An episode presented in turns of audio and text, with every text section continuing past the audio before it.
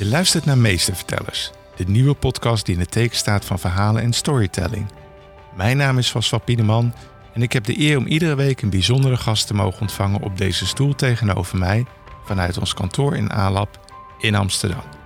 Ik ga op een fascinerende auditieve ontdekkingstocht, op zoek naar de kracht en betekenis van verhalen in ons leven. Met wekelijks een nieuwe aflevering op de maandag.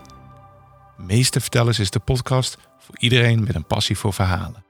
Mijn meestervertellers zijn makers, schrijvers, regisseurs, dansers en muzikanten. Degene die een belangrijke rol vervullen in het vertolken van urgente verhalen. Eigenlijk wil ik juist sympathie opwekken voor de duisternis en eh, zeggen dat dat iets is wat aan het verdwijnen is. We gaan met hen in gesprek over hun werk, hun visie en het verhaal achter het verhaal.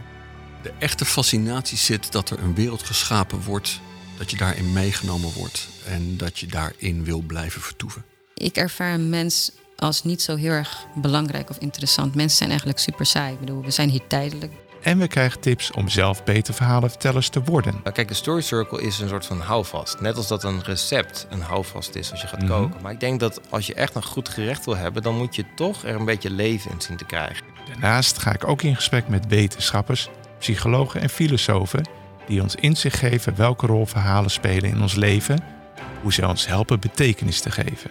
Wat beschouwen wij als echte nep? Op welke manier leren wij van verhalen? En maken verhalen ons misschien onsterfelijk?